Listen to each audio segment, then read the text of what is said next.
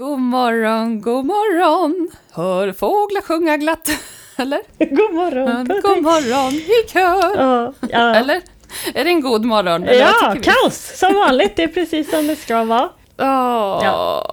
Vi vaknar upp till att eh, eh, dagens eh, avsnitt inte blir av helt enkelt. Så vi, eh, vi gör ett nytt, Offa. Det är väl kul? ja, vi gör ett nytt, vi gör så gott vi kan. ja. Och är glada för alla som vill lyssna. ja. Mm, nej men det, det är som vanligt det här med Man lär, teknik man lär och- så länge man lever och vi har ju redan Nice. outat att vi är värdelösa på teknik. Så att det... Ja, men precis. Det blir ingen Det var ingen överraskning för någon i alla fall. Allra minst oss. Eh, och våran, eh, våran hur- klipp och producent eh, kille Henrik Kjellman har ju bett oss att ha ett färdigt sånt här ifall att saker händer avsnitt och det har vi inte heller petat fram. Det är ju det är främst mitt fel för att jag skjuter gärna på saker till sista sekund. Så nu är vi här sista sekunden. Eh, Ja, Ja. det får bli. Det blir skitbra. Ja, men senast då? Du har varit iväg på HOV-konferens och SM. Ja men eller hur. Eh, världens, eh, eller Nordens i alla fall, ja, men jag tror typ världens första eh, hovkonferens med barfota hästen i fokus. Mm. Ett jättefint initiativ utav eh, eh, Guldhov Foundation och eh, SNHCP som har hjälpt till och tagit fram den här. Med alla föreläsare och allting. Mm. Ja, eh, det var, det var otroligt kul att vara i, eh, ja men där jag trivs som, som allra bäst. Med, eh, med snälla hästar och hästkollegor och olika branschfolk. Allt från eh, tjejer som tar fram oljor och dofter för massage och sånt som också Mm. funkar till häst. Jag såg att Ayla var där, va? Exakt, exakt. Ja, Det är ju en kompis till mig. Ja, vad Eller kul. Ja, en före detta kund. ja, ja men vi... eh, innan hon flyttade. Okej. Ja. Vi, frienda, vi friendade varandra på Facebook så får vi se Kul. Mm. vad det leder till. Jag glömde köpa med mig någonting från henne. Jag var väldigt intresserad av allt möjligt där men det, liksom bara, det var så himla mycket med allting. man, var, man Ja. var lite med en fot i varje monter och sen var det ju både lite tävling och lite föreläsningar man ville titta på och allt möjligt. Så att herregud, det var fullt upp. Ja, Eh, lite tävling var det väl inte? Du var ju med och tävlade.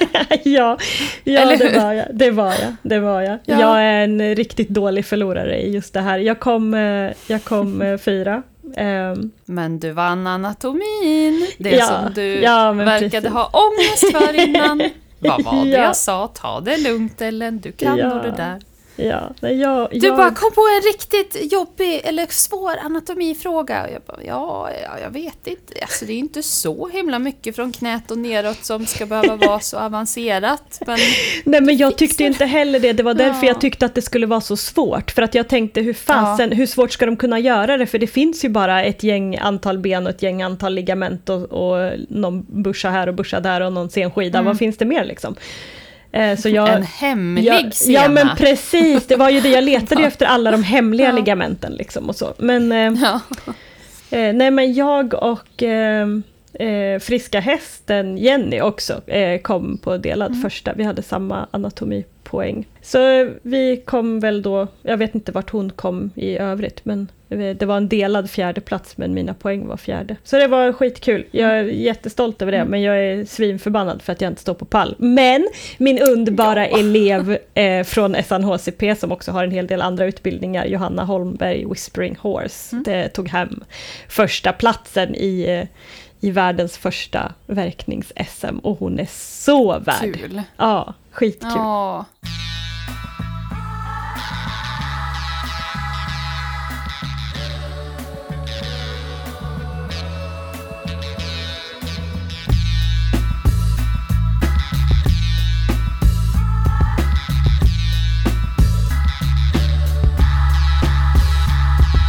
Kul det i alla fall. Ja, och det var, man fick tyvärr inte höra så mycket. Eh, Det skulle vara, momenten var ju ja, först anatomi och sen var det verkning av kadaverhov och sen så var Mm. det verkning av levande häst för de tre finalisterna. Då. Och där skulle de gå igenom en rörelseanalys. Hästarna skulle röntgas före och efter. Och eh, Mhm. eh, sen så skulle de berätta sin plan för sin verkning då. Och sen eh, Mm. skulle de väl berätta om de hade bibehållit planen eller om de hade fått göra något annat efter sin rörelseanalys och lite sånt där. Så. Men det Aha. vart tyvärr, allting vart det skulle ju vara väldigt publikvänligt och så vidare och det var det. Men just det, Ja. där, just det där vart så dolt för att man fick faktiskt inte Aha. riktigt höra varken vad de hade för plan eller hur det gick eller vad de tyckte eller vad de... För att de domarna stod ju med hela tiden och ville ju inte råka färga av till publiken deras frågor och svar till de tävlande. Så det vart lite tyst där. Jag fattar. Eh, Så jag, jag, ska, jag har inte tagit tag i det än, hon har fått vila i sin eh, ära och berömmelse. Men jag tänkte jag ska fråga Johanna lite om vad hon, Ja. ja, vad hon gjorde och vad hon, för att det var, det var kul att se. Hon verkar lite på en hov, lite på en annan, byter tillbaka, lite så här, Mm. ja men hon kollar på hästen hela tiden. Och, Mm. eh, Det är fint att se tycker jag, om man bara jämför med en standard eh, en standard eh, skoning eller vad man ska säga, där man skor av och skor på och sen går på nästa hov och så vidare. Vi jobbar ju lite annorlunda och det var kul att få se det live och det var lite det som är, var grejen med hela eventet egentligen, att vi ville visa upp att man kan verka Mm. man kan verka hästar utan sedering i, i stora sammanhang och i små sammanhang och få det att fungera om man har hästen i, hästens eh, välbefinnande i fokus. Liksom. Eh, Så det var kul. Det var också otroligt kul att gå på föreläsningar. Jag hade velat Alltså jag hade velat inte tävla för att jag hade velat se alla föreläsningar. Men jag hann se lite grann från eh, eh, professor Bauker, jag hann se lite från Tone Wien och jag hann se... Åh, så kommer jag inte ihåg vad de heter. Trädgårdsförening. An- Anneli, Anneli. Sjödin. Ja. ja, men... ehm, Men får jag fråga professor Ja. Bauker? Ja. Du berättade ju lite eh, när vi pratade senast privat om honom, för jag visste inte vad är det för gubbe.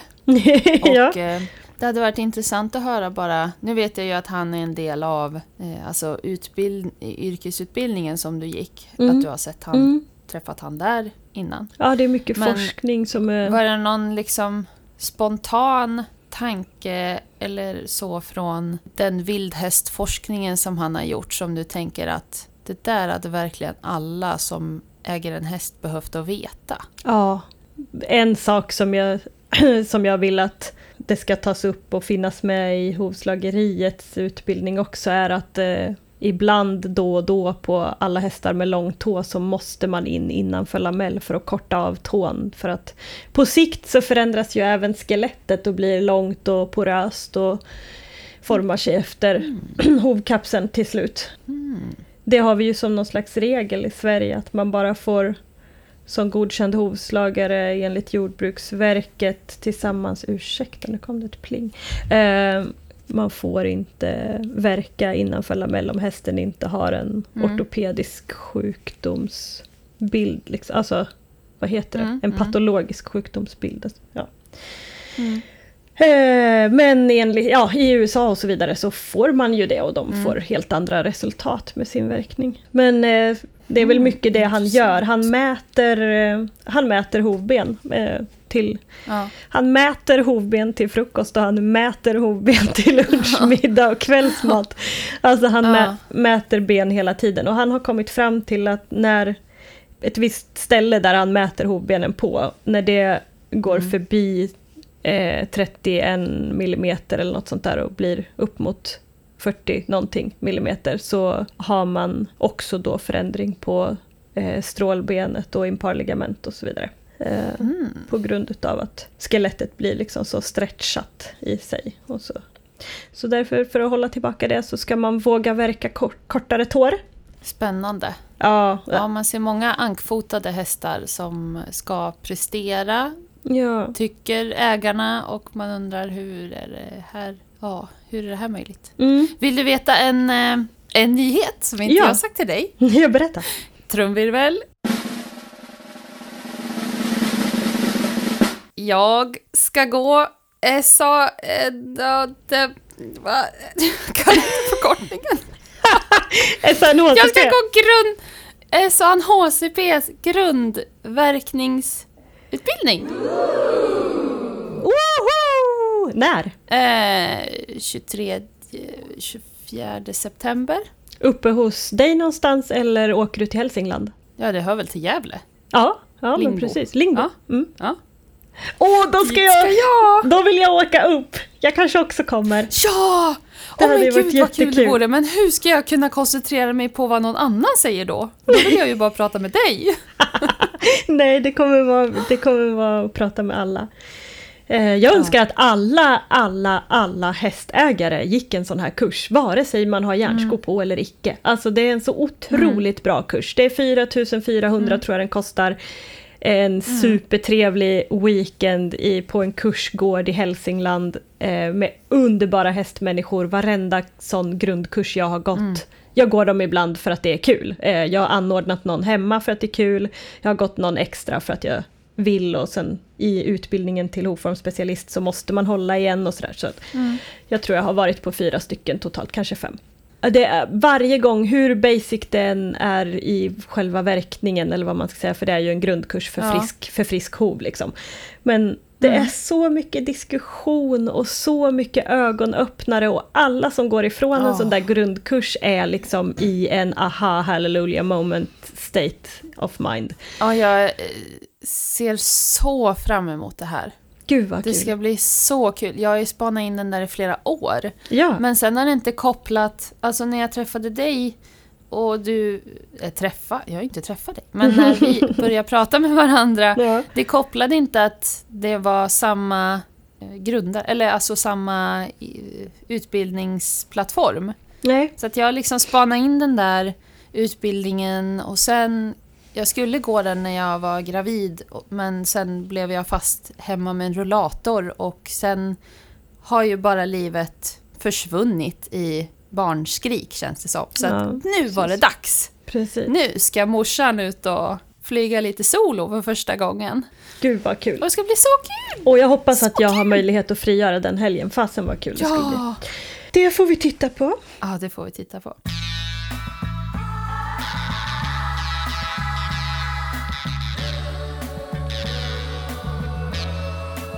Kommer jag få massa nya input som jag kommer vilja fråga dig och jag kommer kunna ha dig som mentor va? Att eh, Ja. rådfråga med mina egna hästar när jag verkar dem. Absolut. Hur jag ska tänka. Absolut. Åh, jag ser så fram emot det här. Ja, alltså det är ju också en grej jag bara kan kasta in. Eh, Alltså de får så mycket bra reklam nu. ja, men nu när De du borde säger... sponsra oss. Ja, nu när du säger sådär så tänker jag också att jag kan kasta ut att eh, hovcenter.se som sponsrar våran podd Yeah! tillhandahåller ju en tjänst som heter guidad verkning för alla som har gått en grundkurs. Den måste inte ha gått hos SNHCP utan den kan gås hos Guldhov eller man kan ha gått eh, en del av kanske AIP eller man behöver ha lite grundkunskap i hur man håller verktyg och vad ett traktstöd är och så vidare. Men eh, eh, det är ju en bra grej att kunna hålla efter mellan sin hovisbesök och så vidare. Det, det råder ju brist på hovformsspecialister och hovvårdare Sverige över och vill man då hellre ha en barfota specialiserad än en hovslagare på sin barfota häst så är det en bra grej att kunna ändå hålla en kort och bra intervall. Mm. Så välkommen in dit och kika på det. Får man prata med mig Oh, yeah. en timme. Center.se Great sponsor. Alltså det är en sån bra sida det där. Undrar vem det är som har kommit på allt det där. Jag såg din, Kan man ju eh, undra. din story häromdagen, jag blev ju, blev ju rörd att Ja. du la upp lite Repiderma och grejer. Kul. Så pepp. Ja, När jag blandade min egna lera så blandade jag också i lite kopparsulfat Ja. och MSM. ja, perfekt ju. Det är Eh. precis sådär nördigt jag vill att man ska blanda den där leran alltså. Verkligen. Ja. Peta i lite mannukahonung eller whatever och gör en bra grej. Ja. ja, nej. Spännande. Kul. Men eh, vi skulle snacka lite... Ja, så vi har ju slarvat bort ett, ett avsnitt och det eh, har vi ju... Vi, ja, det kommer lite istället på, på våra tips, tänker jag. Eller? Och sen så kör vi det vi hade tänkt köra idag eh, ändå. Mm. Tips och tricks på ridbanan och uteritt och så vidare. Vad, vad tycker du och vad tycker jag? Var våran liksom, tanke. Ja. Mm. Men börja gärna du Hoffa med någon liten... Eh, har du någon, eh, någon grej du gärna gör i skogen för att... Alltså jag tänker typ Kanske för att hålla hästen extra mjuk eller för skolning. Du rider ju också unghäst eller ja. Ja, jag och Topas har ju, tycker jag, kommit igång nu och börjat ha ett bra flyt på våra uteritter och jag rider alltid själv. Mm. Vilket har gjort att det var ju såklart lite hackigt i början och jag promenerade mycket, satt upp en bit, satt av en bit. Eh, Men nu börjar vi ju kunna ha, liksom från början till slut, ja, ofta så värmer jag upp honom genom att gå första biten men Mm. annars så börjar vi kunna ha ordentliga, lite små korta normala uteritter helt enkelt. Ja, Och då tänkte jag ju på det där. Som häromdagen så red jag en helt ny väg. Och jag var så nöjd och glad med han att han med spetsade öron gick fram överallt. Och han Ja. var liksom nyfiken och ville in på nya ställen och in bland husen. Och vad ställen kul. där han förut har varit väldigt osäker. Mm. Eh, Men då blev det mest bara, vad kul vi bara utforskar och man kan vika av från vägen ibland för att spana in det som är där borta. Och stå Ja. där och käka lite gräs och titta där, undra om det är älgar där inne. Vi står och tjoar lite och är Mm.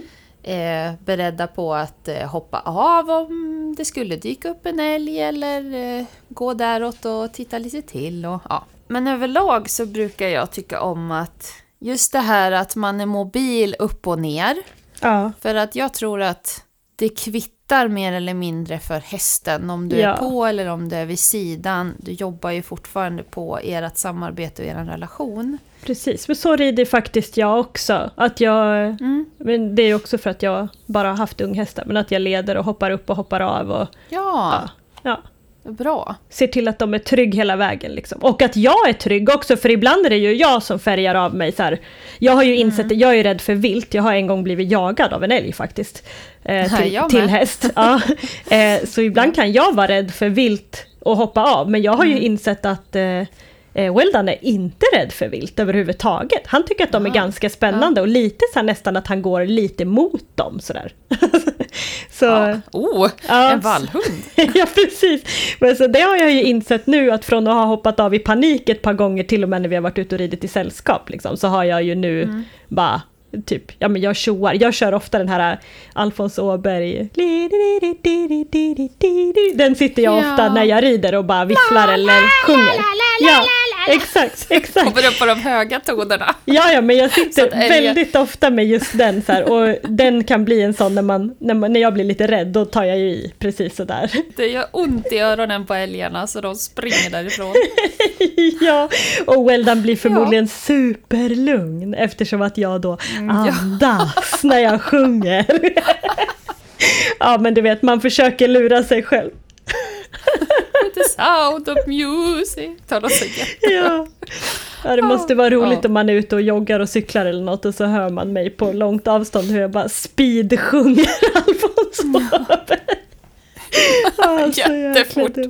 Åh, gud vad roligt. Ja, Nej men det brukar jag instruera folk ganska ofta och har, alltså eftersom jag har haft väldigt mycket hästar på inridning och tillridning eh, där Ja. man kanske inte vet eller vet att hästen är trafikrädd.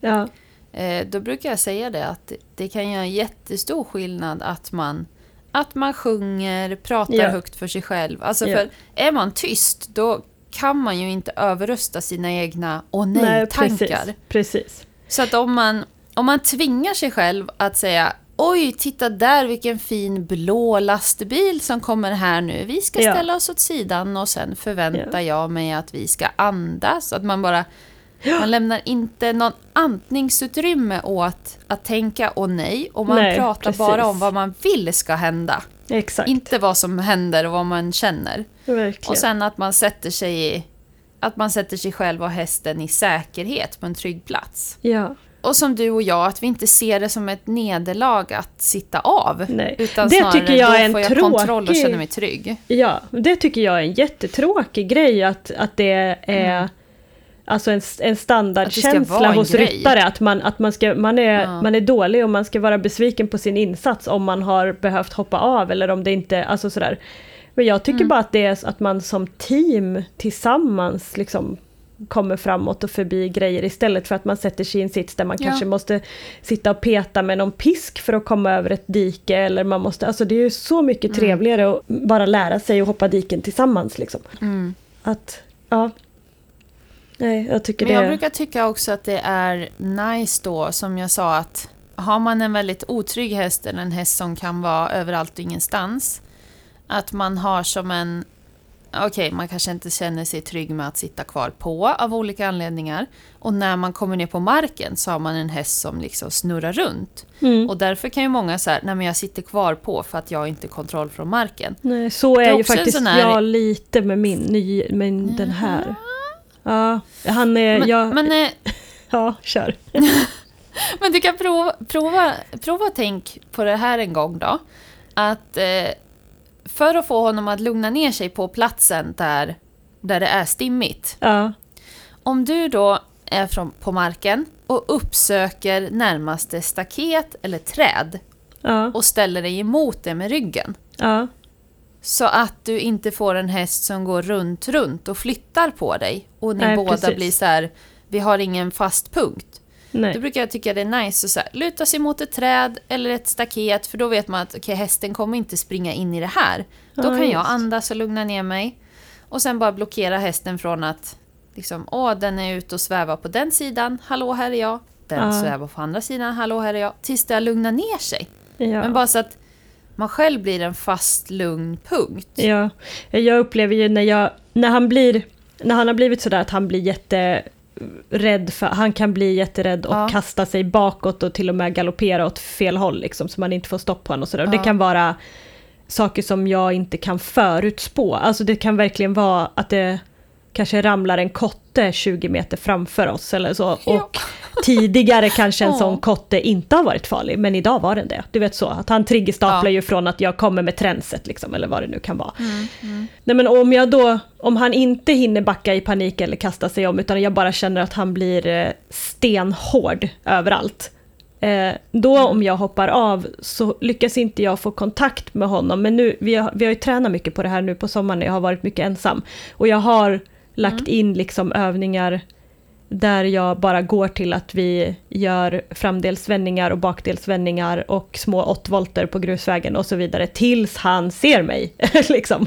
För att han gör typ Ja. grejerna jag ber om fast stenhård och två meter hög och med öronen helt bortkopplat från mig. Alltså sådär i panik. Men han, och det är ju så han är i ridningen också när han låser. att han Det ser kanske fint ut och som att han fattar vad han gör fast man känner att han inte är hemma. Liksom. Det är svårt att förklara. Men, men de här eh, små övningarna med att bara hoppa av och göra sådär, det har ju i alla fall faktiskt hjälpt. Och också när jag rider och han fastnar i det där så har jag fått ett tips Mm. från en, eh, en tränare som heter Tana Eriksson. Mm. Att eh, inte tänka så mycket på vad, vad hästen gör eller, eller vad jag gör, Ja. utan bara tänka på en specifik övning jag ska genomföra och sen Mm. vara jättekonsekvent med det. Så att till exempel Ja. trava exakt sju steg och sen skritta Mm. sju steg och sen trava exakt sju Mm. steg och sen för att till slut Mm. så glömmer både du och hästen att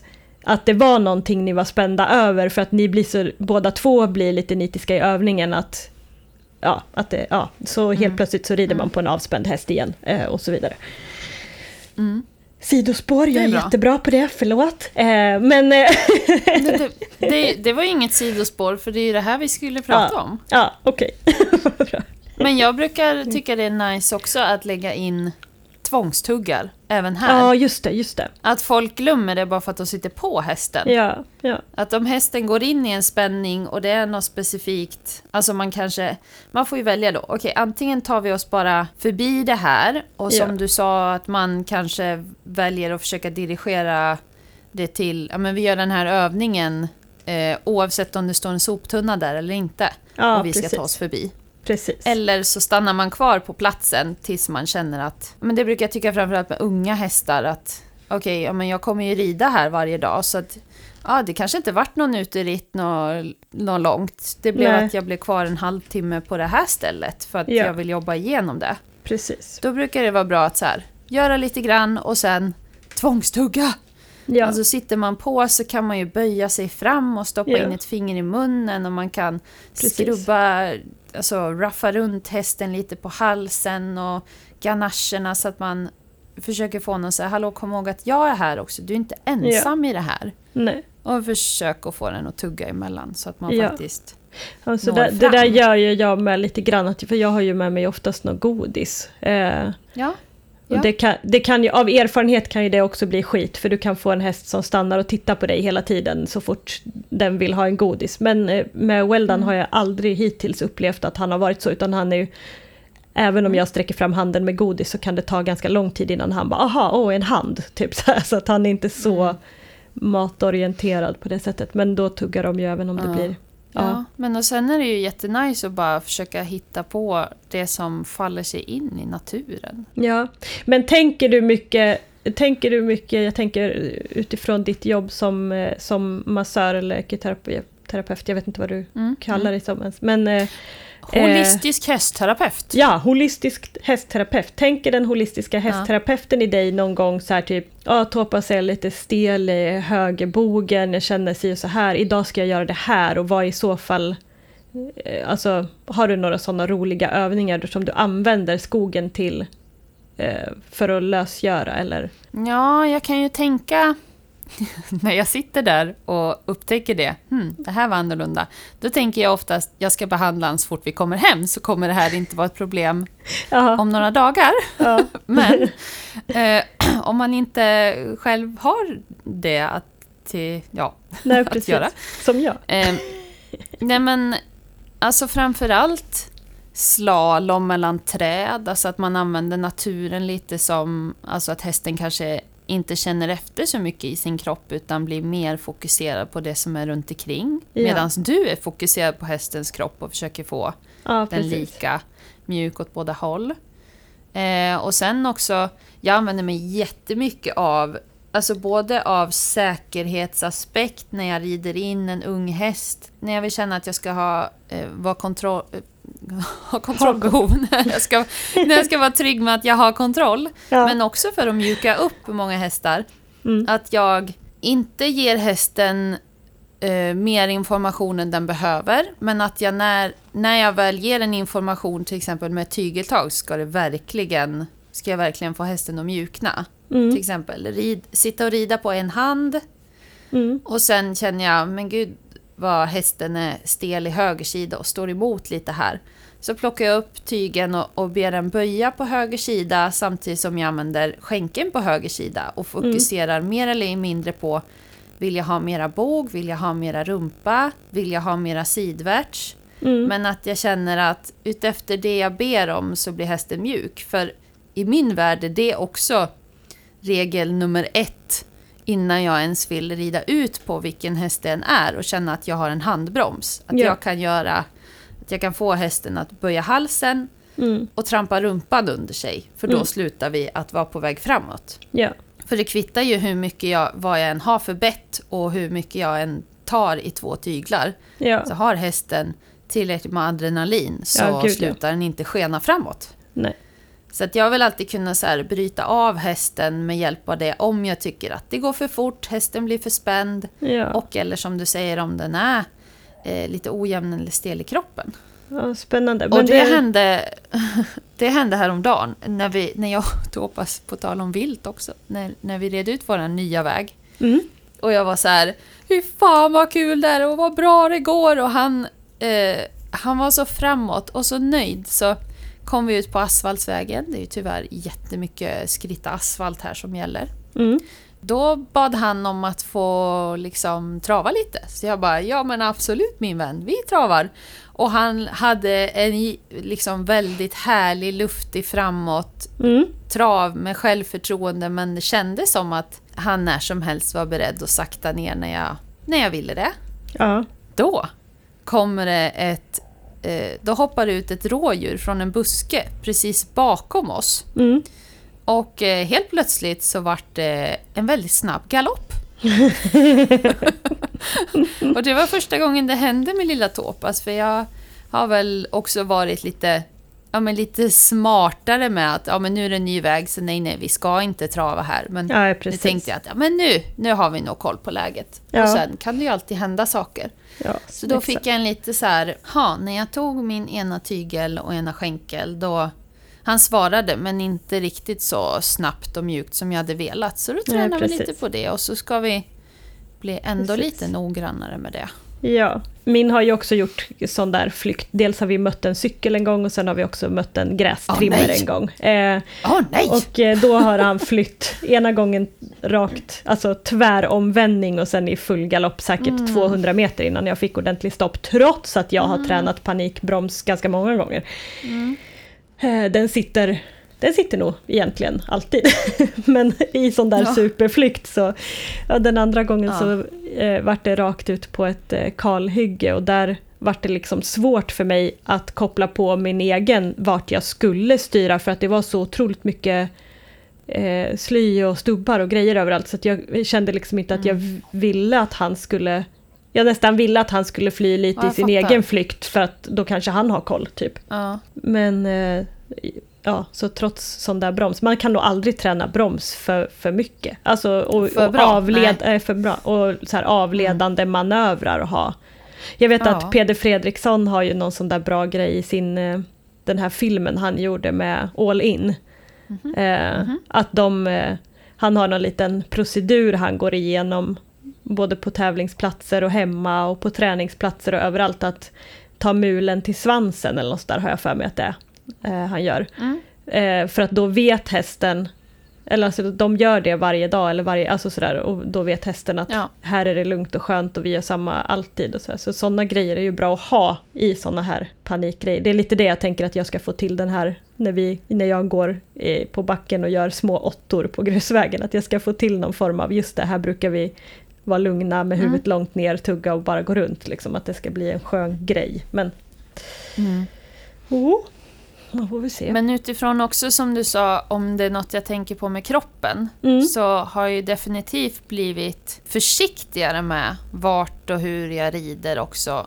Nu eh, känns det som jag typ alltid har unghästar som... Ja, men vi får ju utgå från vad vi har. Det vi, vi sitter med unghästar och det är där vi Ja. Ja. Men, men just där om jag jämför med hur man var när man var ung och vart Ja. och hur man red då. Ja. Och visst, man använde naturen som bara den, men vad man utsatte sig själv och hästen för. Jag själv använder Medans- naturen som racingbana väldigt ofta. Ja, jag också. Och det är ju, alltså det är ju befriande, det är ju roligt. Ja. Men eh, om man vet att hmm, det har regnat, det här är liksom kan bli, vara lite halt underlag, så förut hade man inte ens reflekterat över det. Och Nej. nu ser man ju framför sig att nej men, nu måste jag ju vara försiktig med min häst. ja, precis. Alltså jag hoppade förut så när jag hade min eh, rid, ridtravare som eh, både han och jag älskade att hoppa. Så, alltså det bästa som kunde hända när man var ute i skogen det var ju att man skulle hitta på en vägbom. Så att man kunde hoppa över vägbommen. Ja, alltså jag tänkte precis, jag tänkte precis säga det så här. Alla följare, Alltså, snälla, snälla, herregud. fortsätt lyssna och banna inte oss för evigt. Men jag hoppade också Ja, väldigt, men snälla, väldigt mycket de- vägbom Ja, och- liten. Och det kanske finns någon som lyssnar som fortfarande gör det och då kan vi säga snälla gör det inte. Nej, Alltså det är fy. inte värt det om det skulle hända något. Nej, fy. Men när man var ung och dum så fanns det ju inte i ens värld att det kunde hända något. Ja, vi hade ju dröm, drömskogen när jag var liten. Det är en, eh, en tallskog med fantastiskt gammalt nerlagt sånt här elljusspår, alltså joggspår, som inte längre Ja. används. Och i, mitt i det här har de sen grävt ut en, eh, en, sand, en sandgrop, vad heter det? Ett sandtag. Eh, Ja. Så det, det finns liksom vägar där man kan bygga hinder och man kan rida i olika, ja men man kan liksom rida åttor och ja, på stigar som är perfekta liksom och sen kan man klättra och så vidare. Mm. Och i det där sandtaget fanns det ju en sån där bom och det var ju så jäkla bra väg. Det var verkligen så här, men tallskogs, tallskogsgrusväg Ja, med så här gräs på mitten och Åh. perfekt mjukt underlag. Åh. Och den låg i lite, lite, lite, lite lätt upp eller nerförsbacke beroende på åt vilket håll. Och sen Mm. Ändra kom man ifrån att ha klättrat ner från Sandtagsbacken och sen en liten snabb galopp och sen hopp, eller så kom man Mm. ju mot det i lite, lite, alltså verkligen lite nerför, men lite nerför, hoppa och sen bara race upp för den där sandbacken. Alltså Eh. man minns ju känslan av att känna sig odödlig, eller Ja. hur? Ja, man var bra Ja. jäkla mycket modigare. Nu tänker jag, när jag ser en stubbåker så är första tanken Mm. inte gud vad mysigt med galopp, utan min första tanke är så här, det här är livsfarligt att rida på för alla så här konstiga hål Ja. som kan finnas där hästar bara bryter benet. Ja. Jag, eftersom jag är från Västra Götaland så var det betydligt vanligare där än, än här att man såg folk som eh, tog in halm. Mm. Och då var det ju varje, varje så här sen sommar, höst, så fanns det ju halm i såna här rektangulära kubiker, du vet som är 1,20 höga och typ två meter bre, breda. ja, ja, Och att de också är en meter i, i bredd, eh, vad säger man, som oxerbredd, så ja att säga. djup, djup. Och alltså de där djup, de där hoppade ju vi som en bana. Alltså jag fattar inte hur, Nej. man en, hur jag ens kunde tänka att det var en bra idé. Men det gick ju jättebra och det var jättekul. Och Ja, gud ja. Åh, jag, hade ju någon, jag hade ju någon ponny Åh. som, nu hoppas jag att inte min bonde lyssnar, det ska ju vara, eh, det hade ju varit kul om. Men eh, jag hade ju någon så rutin på att hoppa hö och halmsträngarna. Att, alltså, Ja, så att man hoppar liksom evighetskombination. tills, tills ponnyn helt, helt enkelt bara sket ja. i att hoppa och bara sprang rakt igenom. Men på, på de här små busponnysarna man hade som liten, de gick ju att liksom samla ihop, spänna den där bågen och bara doink doink hopp, doink doink hopp. Det gick ju liksom. Ja, Ja. ja. Ja, ja, så saker som vi inte gör idag. ja precis. Men, men vi kunde använda Alltså- naturen som ridbana. Det kunde vi verkligen göra. Ja. Överallt. Eh, och nu för tiden, alltså är det framförallt här nere så om jag ska ta mig till en, ett ställe där det finns lite skogsstig så är det också precis vid Siljan, alltså vid sjön, så att det Mm. är ofta blötare. Ja, Och det kan jag ju säga att jag nu för tiden i princip alltid sitter av när det blir lite lera, lite stubbigt. Där jag förut tänkte att det här är ett bra träningstillfälle, att jag ska träna min häst och gå igenom det här genom allting. Så tänker jag idag, åh, onödigt att slita på hans kropp.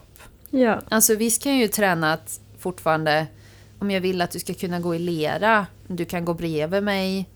Alltså då lär sig ju hästen det i alla fall, men den slipper ha klumpiga mig på kroppen ifall den eh, går åt sidan lite hastigt eller snubblar Precis. eller så här. Då vill jag att hästen bara ska kunna koncentrera sig på sin egen kropp Mm, istället. För att bespara den. Man kan ju göra jättemycket med eh, bara att gå sidvärtes hit och dit överallt och runt saker. Ja.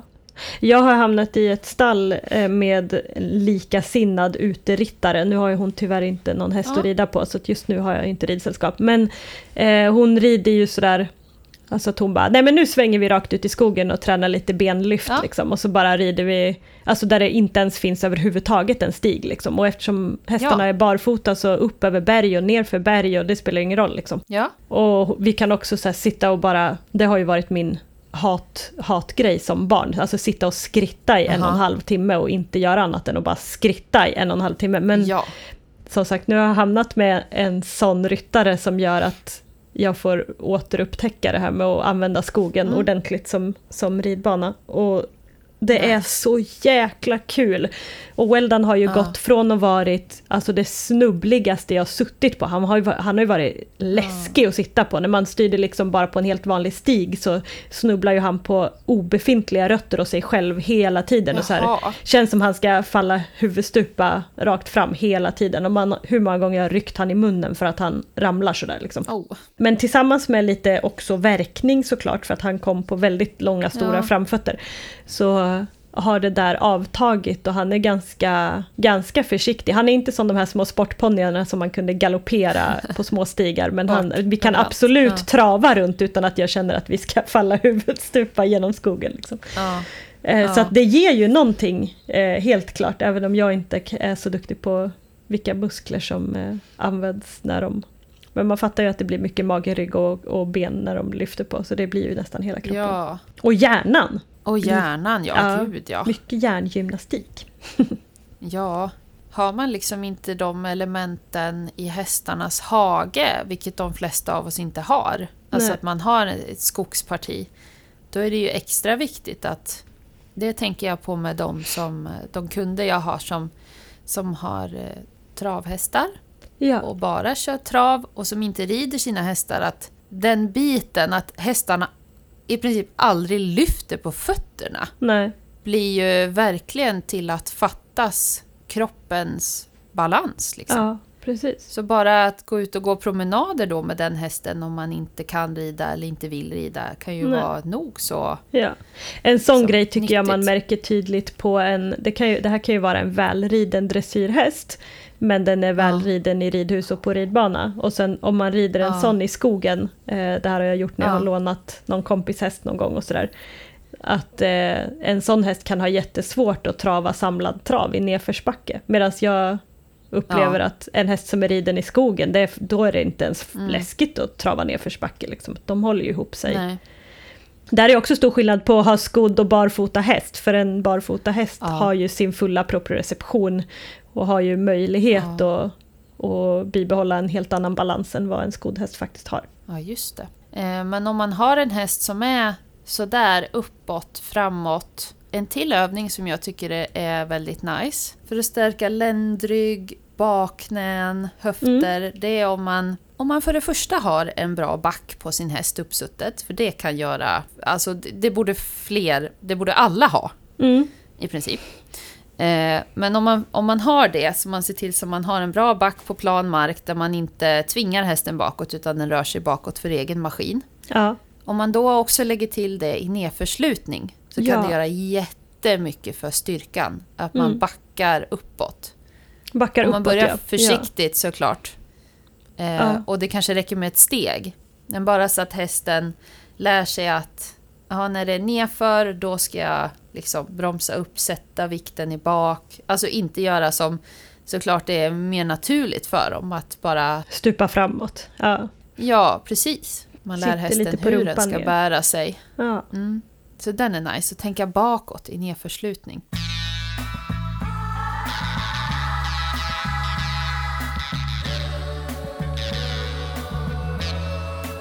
Jaha, Offa, har du några bra tips då?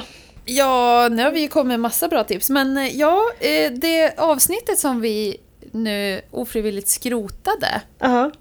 då pratade vi lite om hagar och hagplanering. Yes. Mm. Eh, där det var du som kom med tipset och så visade det sig att det var jag som hade gjort det, Ja. utan att du visste om det. Ja.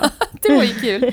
ja. Eh, och att man kan, eh, vi kan ju dra lite snabbt igen, Ja, men det. att man för att få in mera rörelse i hästen i hagen, om man kan eh, ordna så att man kan göra lite labyrinter, skapa lite rörelse genom att göra en hage i hagen på olika sätt. Exakt. Och jag har då gjort, eh, som jag har liksom flera gärden som jag eh, har i olika sektioner och eh, håller på och planerar och eh, fortsätter att göra mitt paddock paradise på. Ja.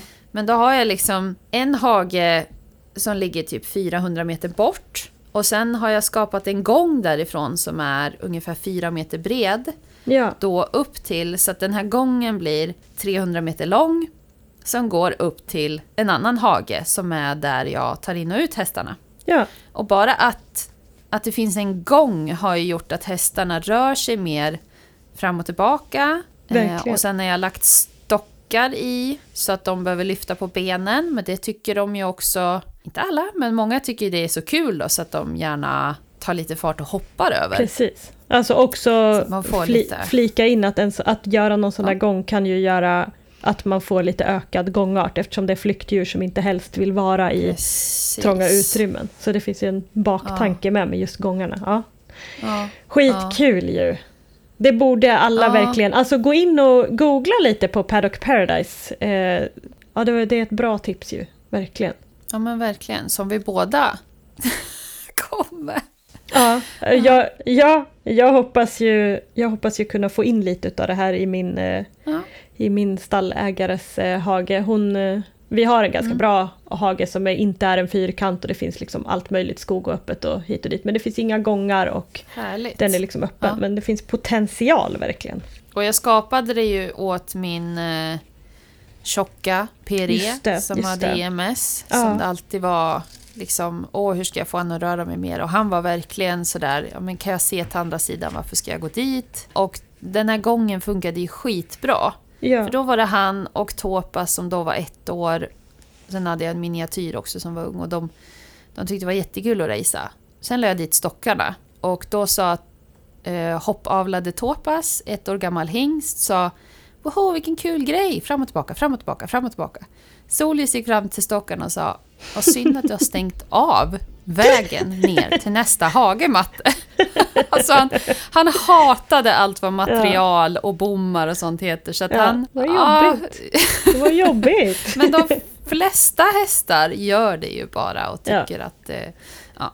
Och bara då att man får några fler... Eh, återigen om man relaterar till hästar som inte tränar på det annars så kan det ju vara ovärderligt att ha det inslaget i hagen istället. Ja, exakt. Exakt. Ja, Ja. jag tror det, det är verkligen, alltså, jag tror inte man ska tänka så här, det går inte hos mig, utan det, det gör det. Googla lite och sen så, Ja. det gör det. Det Mm. går i alla hagar. Ja. Det går till och med i sådana här Ja. små grushagar. Det går att bara göra en fyrkant inuti den, så måste hästen gå runt istället för rakt igenom. Vatten på ena sidan, Ja, höet på andra sidan och så vidare. Och saltstenen där och Ja, den. precis. Vad har du för tips då? Eh, ja men eh, jag snackade ju lite då i det här skrotade avsnittet eh, om att kratsa hovarna lika nördigt som en riktig hovnörd. Eh, det gör Mm. ju, vi går ju in i en period nu när det, det är lerigt och det är surt i backen och många hästar får Mm. kanske, kanske hösilage som också kan göra att det blir lite surare i mage-tarm och det finns ju många hästar som käkar lite kraftfoder av anledningar som ja, att de tränar hårt eller vad det nu är som också gör att de blir lite sura. Då är det jätte, jätte, Mm. jätteviktigt att man kratsar hovarna. Och en vanlig hovkrats är ju lite trubbig i själva kratsmetallbiten. Och där har jag hittat ett sylverktyg som eh, gör att man, man måste vara lite försiktig för de är vassa, man får inte bara trycka allt vad man har. Men som gör att man kan liksom kratsa ur sidstrålfårorna och små hålrum i strålen eller små eh, pluttar i lamellen eller under järnskon om man nu har järnskor. Alltså, som gör att man kan göra Precis. det riktigt, riktigt nördigt rent. För att bakterierna som skapar röta är ju anaeroba bakterier, sådana som trivs i, i lera och gegga och mjukt och varmt och mörkt. Eh, Och de dör jättefort i syre. Så att... Eh, Let the light shine in! eller hur? Nej men, Ja. och jag, jag, ser, jag ser mycket hovar när jag är ute där jag ser att ja, men det, krat, det kratsas faktiskt inte ute i stallarna. Det gör inte det. Man, kan, man kanske Mm. kan säga att man gör det men man gör liksom inte det kanske sitt, no, sitt noggrannaste ordentligaste. Man kanske inte gör det varje dag för att man tänker att ja, men hästen är barfota och det ramlar ut och sådär. Det är inte så mycket att Ja, kratsa på en precis. barfota häst. Men alltså det är så otroligt mycket att kratsa på en barfota Oh häst. yes. Eh, Det är det. Eh, Så det, det är mitt tips. Skaffa er någonting, alltså en liten spik eller ett sylprylverktyg eller Ja. Eh, ja, men någonting som är lite mera vasst än trubbigt och sen bara våga Ja. pilla. Det är inte som man lärde sig på ridskolan att man inte får ta i strålen och man får inte pilla på den utan bara Mm. alltså, peta, peta rent. Ja, Det är skitbra tips. Alltså det kan inte sägas för ofta. nej. Det, Och det alltså, lärde man sig ändå på ridskolan, att man skulle kratsa noggrant, noggrant. Men man fick Ja. aldrig lära sig varför.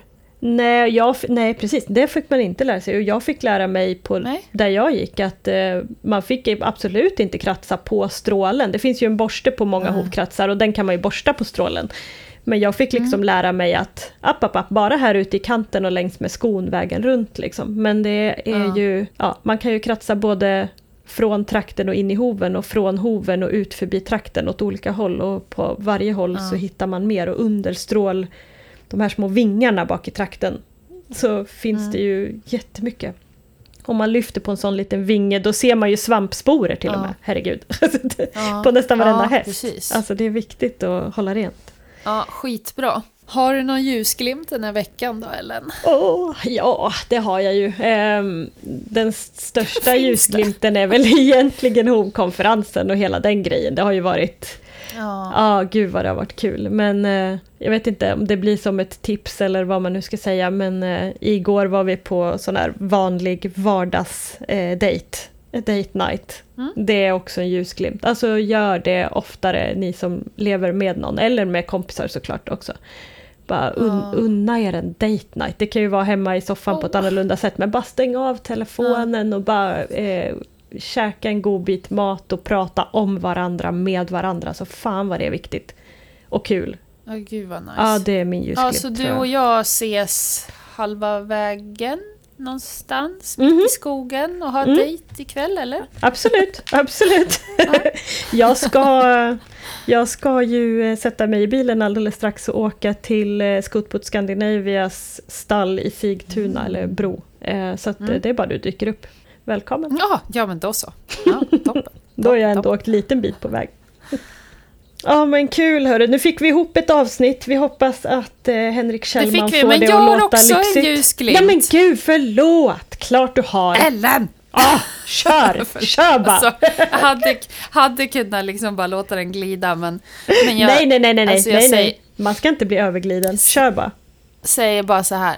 Leif och Billy heter mina kattungar. Alltså behöver jag säga mer? Behöver jag säga mer? Nej, är de som Leif och Billy också? Nej, låt mig till. Alltså det är inte jag som har döpt dem, det är Nej. ju min sambo Anders. Ja, För att han är fortfarande sur för att han inte fick döpa våra barn till det. ah, okej. Så mm, de heter ju istället Leo och Willy. Hmm. Det blev en kompromiss där, kan vi säga. Ja. Men gud vad kul om de, alltså jag tar ändå hans parti på barnen, alltså du kan inte döpa om dem. Gud vad kul. Men gud. Alltså, fy. Ja, visst, det är ju en kul grej om det är någon annans barn kanske. Ja men det är ju det för mig. Du bara, men Dina mamma, barn pappa, är ju någon annans barn för ifrån? mig. Ja, men det var den här, då, då hade det lika gärna kunnat heta Ronny och Ragge. Det Ja. hade varit coolare. Ja liksom. det hade det, det hade, det hade, det hade Ja. varit legend. Ja okej. Så att Leif och Billy, de, de har ögon, de börjar Ja, liksom krypa dem. omkring och vingla och de, är, Åh. de börjar bli katter nu. Och de Ja. är ju liksom en ljusglimt hela tiden. Varje Ja. morgon, varje kväll åtminstone när jag Ja. hinner gå in till dem. Ja, jag Blir brukar, bara, när du har lagt upp klipp på dem så brukar jag visa Ja. Dennis för att han är ju katt, Ja. kattfantast. Åh, Eh, så är han har, bestämt, han har bestämt sig för att de är våra, Offa. Så att du, jag är ledsen, Jaha. ta ljusglimten ifrån det, men vi, det är våra katter nu säger Dennis. Aha, okej. Ja, jag måste kanske skicka personliga meddelanden till Dennis nu Ja. då, från och med nu. Ja, Med filmer på Leif och Bill. ja Leif och Billy var kul. Ja, de är otroligt söta. Det är ju röda kattungar också. Ja. Det är ju typ min favoritfärg Ja. på katt. Vi har svart och Ja. grå katt. De är också mina favoriter men väl- såklart. Men röda är, är speciella. Så det var allt gott folk! Gå in och gilla våran podd-insta, ja. hela hasten, understreck podd, eller hur var det? understreck podd Insta. Ja. Insta, ja. ja. Understreck podd-insta. Detta avsnitt sponsras av fantastiskahovcenter.se. Vem har kommit på något sånt här bra koncept? Det kan man undra. Det Jag kan man undra. undrar, undrar vem? Mm, mycket bra. Det tackar vi för. Ja, ja, vi tackar att vi får Och, vara med och eh, sponsra. På återseende. Ja, på återseende. På Eh, nu Ja. hoppas vi att den här kommer upp som den ska och sen så eh, hörs vi nästa vecka igen. Det gör vi! Hej då Ha en bra dag. Detsamma, hej! Ciao!